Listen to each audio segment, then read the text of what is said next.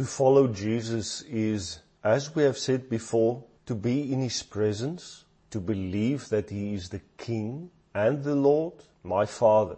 It is to spend time with Him and to know that He is here now and involved in every aspect of my life. To listen to Him and to obey His instructions and to practically live out His teachings.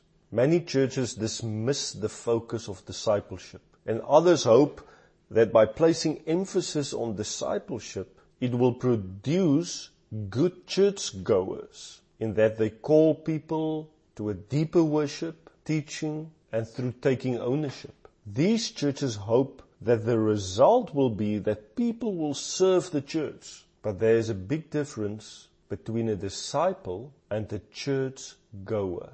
Discipleship involves much more than the attendance of worship and teaching opportunities, Bible studies or serving on a church board.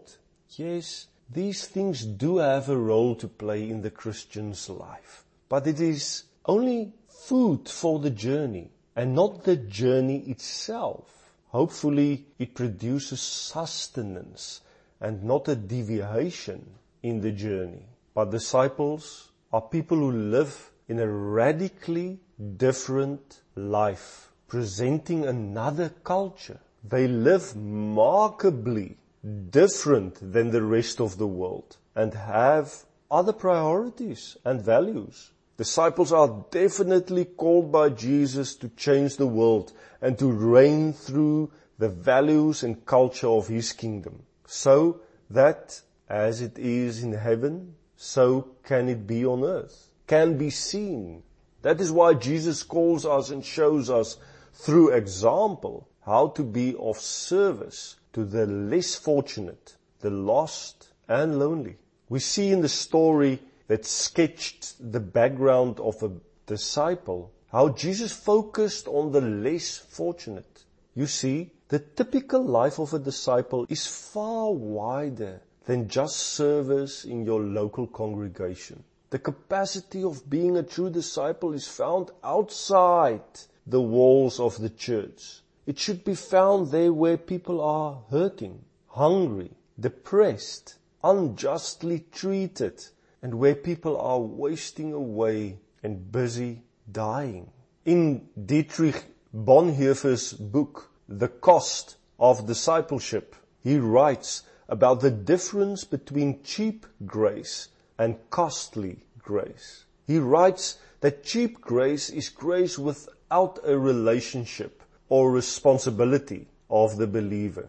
It is grace without service. Costly grace, he says, calls us to actively follow Jesus in service, seeking and finding people, loving them unconditionally in the way Jesus loves people. The Danish philosopher Søren Kierkegaard calls the typical Christian conduct as admiring Jesus instead of following Jesus. The question is whether we want to remain admirers of Jesus or do we want to become followers of Jesus? If you have already come to the place where you say, I want to be a follower of Jesus, then the question becomes, what does it actually mean in the world of today to be a follower of Jesus?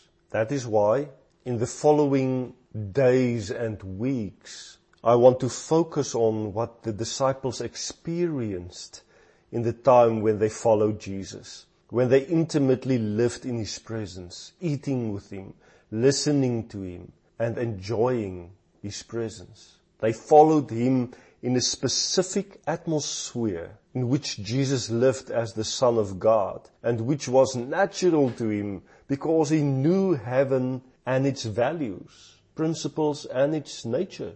It was in him and he lived that out. So if we want to follow him, in what atmosphere should we follow him? What are we getting ourselves into when we follow Jesus step by step?